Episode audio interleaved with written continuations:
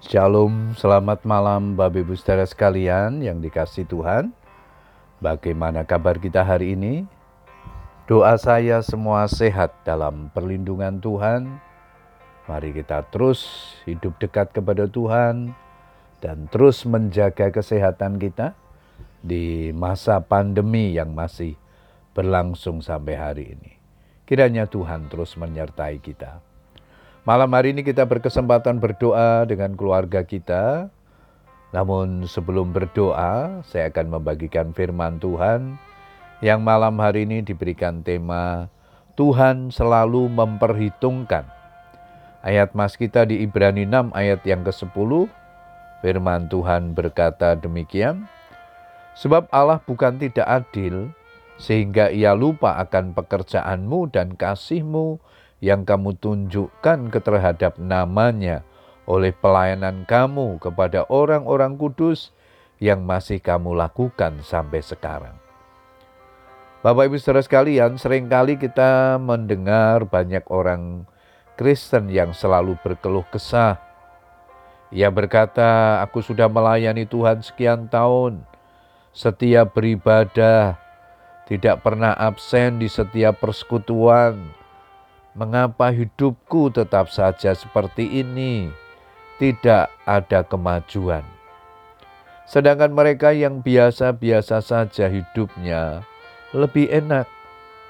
Kalau begitu lebih baik jadi orang Kristen yang biasa tidak usah repot-repot terlibat dalam pelayanan. Fenomena seperti ini sedang melanda kehidupan anak-anak Tuhan Haruskah kita selalu diliputi oleh rasa marah, kecewa, tidak puas, atau dongkol dalam mengerjakan segala sesuatu untuk Tuhan? Renungkan, manusia bisa saja lupa, menutup mata, dan mengecewakan sesamanya. Tetapi Tuhan adalah pribadi yang tidak pernah lupa terhadap apa yang kita kerjakan. Dia adalah Tuhan pelayanan pekerjaan dan perbuatan kasih yang kita lakukan demi kemuliaan nama Tuhan dan menjadi berkat bagi sesama, tidak ada yang luput di pemandangan matanya dan tidak ada yang tidak ia perhitungkan. Tidak ada yang sia-sia. Rasul Paulus menasihatkan, karena itu saudara-saudaraku yang kekasih, berdirilah teguh, jangan goyah, dan giatlah selalu dalam pekerjaan Tuhan. Sebab kamu tahu bahwa dalam persekutuan dengan Tuhan, jerih payahmu tidak sia-sia. 1 Korintus 15 ayat 58. Dalam hal ini Rasul Paulus tidak hanya berteori, tapi ia telah memberikan teladan hidup bagi kita semua dalam melayani Tuhan. Ia tidak pernah mengeluh, bersungut-sungut, apalagi sampai hitung-hitungan untung rugi.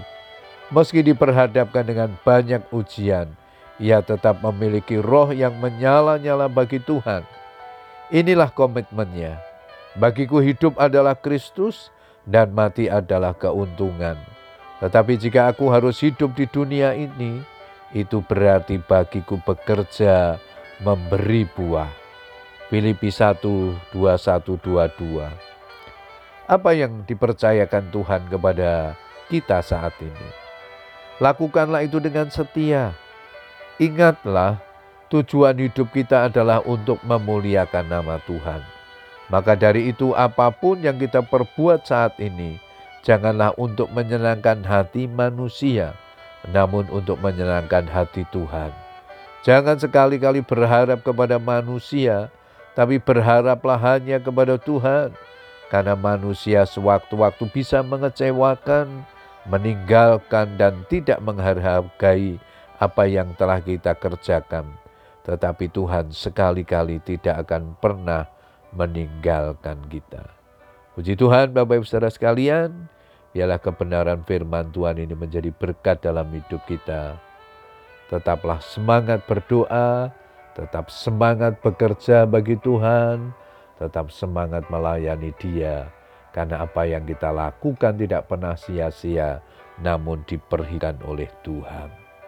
Selamat berdoa dengan keluarga kita. Tuhan Yesus memberkati kita semua. Amin.